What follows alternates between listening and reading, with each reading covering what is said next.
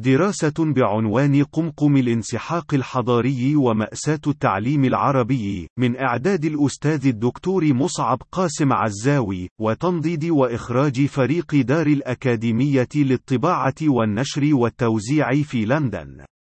تكفي نظرة سريعة على التقرير الدوري الأخير الذي تصدره منظمة التعاون الاقتصادي والتطوير OECD حول نتائج نظام تقييم الطلاب الدولي PISA والذي شارك في دورته الأخيرة طلاب بعمر 15 عاما من 65 دولة الكثير منها من الدول العربية وبعدد مشاركين كلي وصل إلى 540 ألف طالب. طالب لسبر مستوى الإنجاز العلمي والمعرفي لأولئك الطلاب في العلوم والرياضيات ومهارات التفكير المنطقي وحل المشكلات لالتقاط تراجيديا إخفاق نظم التعليم العربية في تحقيق تقدم يرفعها إلى المستوى المتوسط عالميا وينقذها من خزي تربع ثلاثة منها على قائمة الدول الخمسة الأكثر ضعفا في مستوى قدرات طلابها دون أن تكون باقي الدول العربية المشاركة بأحسن من تلك الثلاثة الأخيرة إلا بالقليل الذي دونه لكانت أيضا دخلت في سباق السقوط المفجع إلى عرش الحضيض ودون أن يكون المستوى الاقتصادي لتلك الدول شفيعا لأي من قد يحاول تبرير إخفاقها الشنيع بالوضع الاقتصادي المهلهل لتلك الدول إذ حل الأغنياء والفقراء من تلك الدول في مراتب متقاربة في الإجمال، وفي التفاصيل الدقيقة المكونة له أيضا،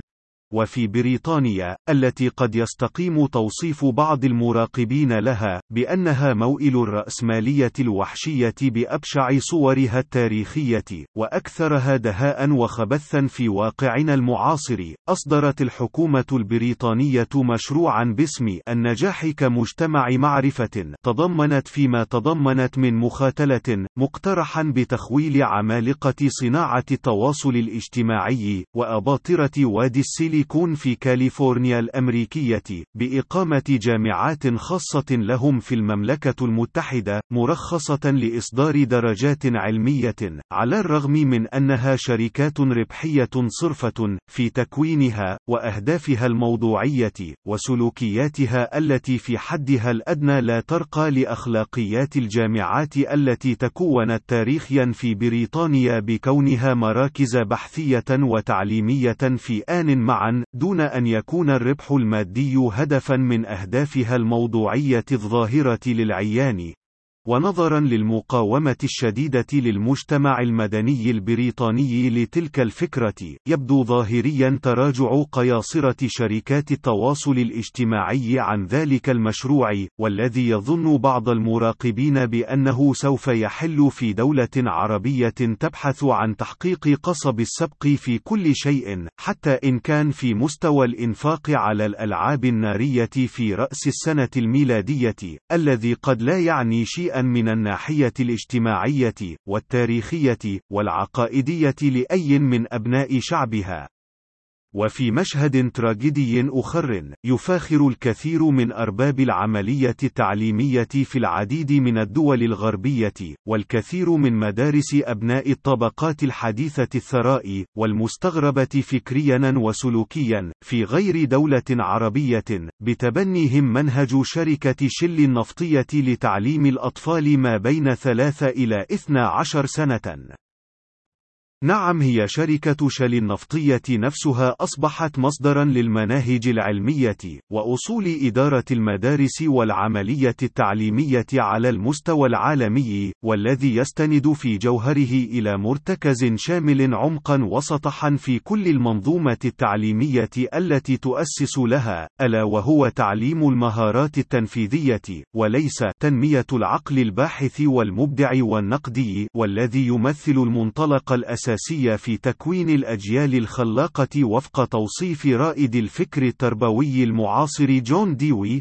وتعليم المهارات ذلك يرتكز عمليا على تعليم الأطفال فن البحث على محرك جوجل لإيجاد المعلومة والحل الممكن للمهمة المعطاة وتطبيق التعليمات المدرجة في نتائج البحث بالتزام حديدي للوصول إلى النتيجة المرادة وهو بمعنى أخر ينتج أجيالا تنفذ ما يلقى عليها من تعليمات بانضباط مطلق كأنه انضباط عمال مصانع وجنود الجيوش النازية الذين لم يكن يسمح لهم بالتفكير وإنما سوى التنفيذ وهو ما مآله الموضوعي أجيال عقيمة تقرأ دون أن تفهم ما تقرأ إذ أن ما يطلب منها هو فقط استذكار واستحفاظ المهارات المطلوبة للنجاح في الامتحان ومن ثم الانتقال للعمل في خدمة الماكينة الرأسمالية الكونية المتوحشة التي تمثل شركة شل أحد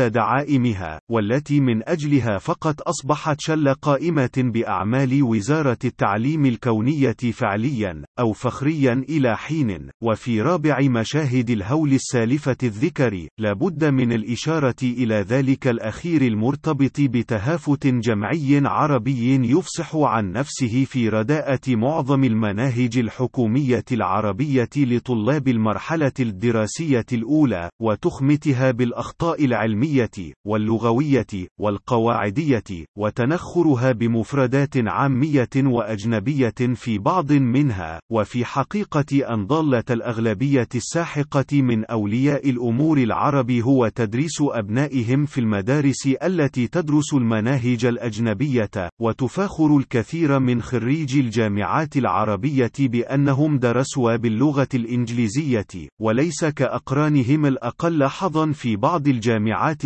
الذين درسوا باللغة العربية على الرغم من أن الغالبية الساحقة منهم لا تصمد أمام أي امتحان علمي باللغة الإنجليزية يخولهم الدراسة العليا في بلد ناطق باللغة الإنجليزية حتى كادت تراهم يقضون سنتين على الأقل في الدول الناطقة باللغة الإنجليزية لتعلم لغتها قبل تمكنهم من الدراسة بها. هذا إن تمكنوا من الوصول إلى تلك العتبة الأولى في طريق التحصيل العلمي ولم يقرروا العودة إلى بلدانهم يجرون أذيال الخيبة متعذرين بحجج واهية لتورية إخفاقهم في تحقيق المستوى المطلوب من المعرفة باللغة الإنجليزية وهم الذين قضوا حياتهم التعليمية السابقة كلها لكي يتعلموها فكانت النتيجة المخزية أنهم ما عادوا يعرفون لغتهم العربية الأمة أو لغة مستعمريهم القدماء الجدد الذين يحاولون التماهي بهم. وهي حالة فريدة من الانسحاق الحضاري، إذ الحقيقة بأن كل الدول الغنية والمفقرة في كل أرجاء الأراضين، باستثناء تلك العربية، تفاخر بتدريس أجيالها في مدارسها وجامعتها بلغتها الأم، أو بالحد الأدنى بلغتها الرسمية إن كانت لغتها الأم لغة بدائية غير ممتلكة إمكانيات الإبداع والتوليد، وهو نقيض حقيقية اللغة اللغة العربية لكل عارف موضوعي بها، وغير ناظر إليها من قمقم الانسحاق الحضاري المقيم الأليم. لندن في الخامس من صفر 2017